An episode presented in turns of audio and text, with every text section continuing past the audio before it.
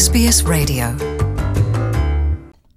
Saudara mendengar, Partai Buruh Federal mendesak universitas-universitas untuk menaikkan standar penerimaan bagi jurusan pendidikan. Hal ini muncul di tengah kekhawatiran turunnya nilai yang dibutuhkan untuk memasuki jurusan tersebut. Berikut ini laporan selengkapnya yang disusun oleh Sonya Heidemann. Partai Buruh menghendaki universitas-universitas di Australia hanya menerima lulusan sekolah menengah atas yang termasuk dalam 30 persen nilai teratas untuk masuk ke jurusan pendidikan. Wakil kelompok oposisi Tanya Pilbersek mengatakan universitas perlu menaikkan batas terendah penerimaan untuk masuk ke jurusan pendidikan. Ia menambahkan, menjadi seorang pengajar atau guru seharusnya semenarik profesi lainnya seperti kedokteran. We cannot afford to continually dumb down teaching degrees to enrol people who will never be competent teachers.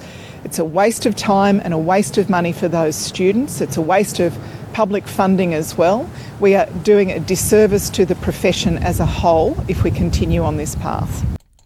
Plebesek mengatakan universitas perlu mempertimbangkan penerimaan mahasiswa dengan nilai ATAR yang rendah.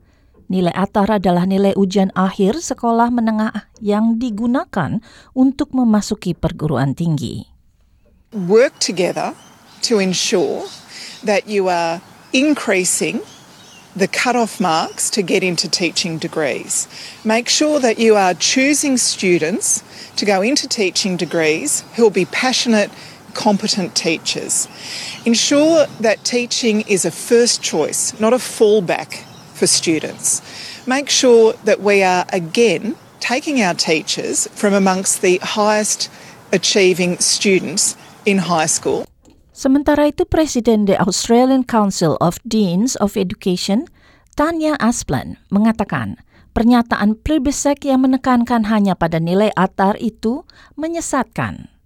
Profesor Asplan membantah tidak ada bukti bahwa siswa yang mempunyai nilai ATAR tinggi akan menjadi guru yang lebih baik. Whether it is 95 or 55, we cannot guarantee that that person has the attributes and the intellect and the communication skills to become a very good teacher. And we do find students with high ATARs decide to move on because it's not their thing.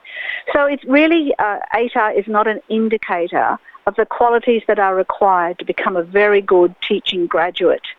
Profesor Asplan menambahkan, universitas tidak akan membiarkan mahasiswa pendidikannya masuk ke dalam kelas apabila mereka tidak dapat melewati beberapa tantangan dalam tahun-tahun pendidikan mereka.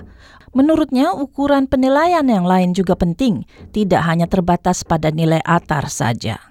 And so we like to see a far more comprehensive system that we implement ourselves using the TMAG recommendations across the two or four years to guarantee that we're producing the very best graduates into the profession. Profesor Asplan mengatakan ancaman untuk menetapkan batas nilai 80 hanya penyelesaian mudah. Namun dalam kenyataannya satu dari empat siswa yang diterima tidak hanya berdasarkan nilai ATAR mereka. Enjoy more stories in your language by visiting sbs.com.au.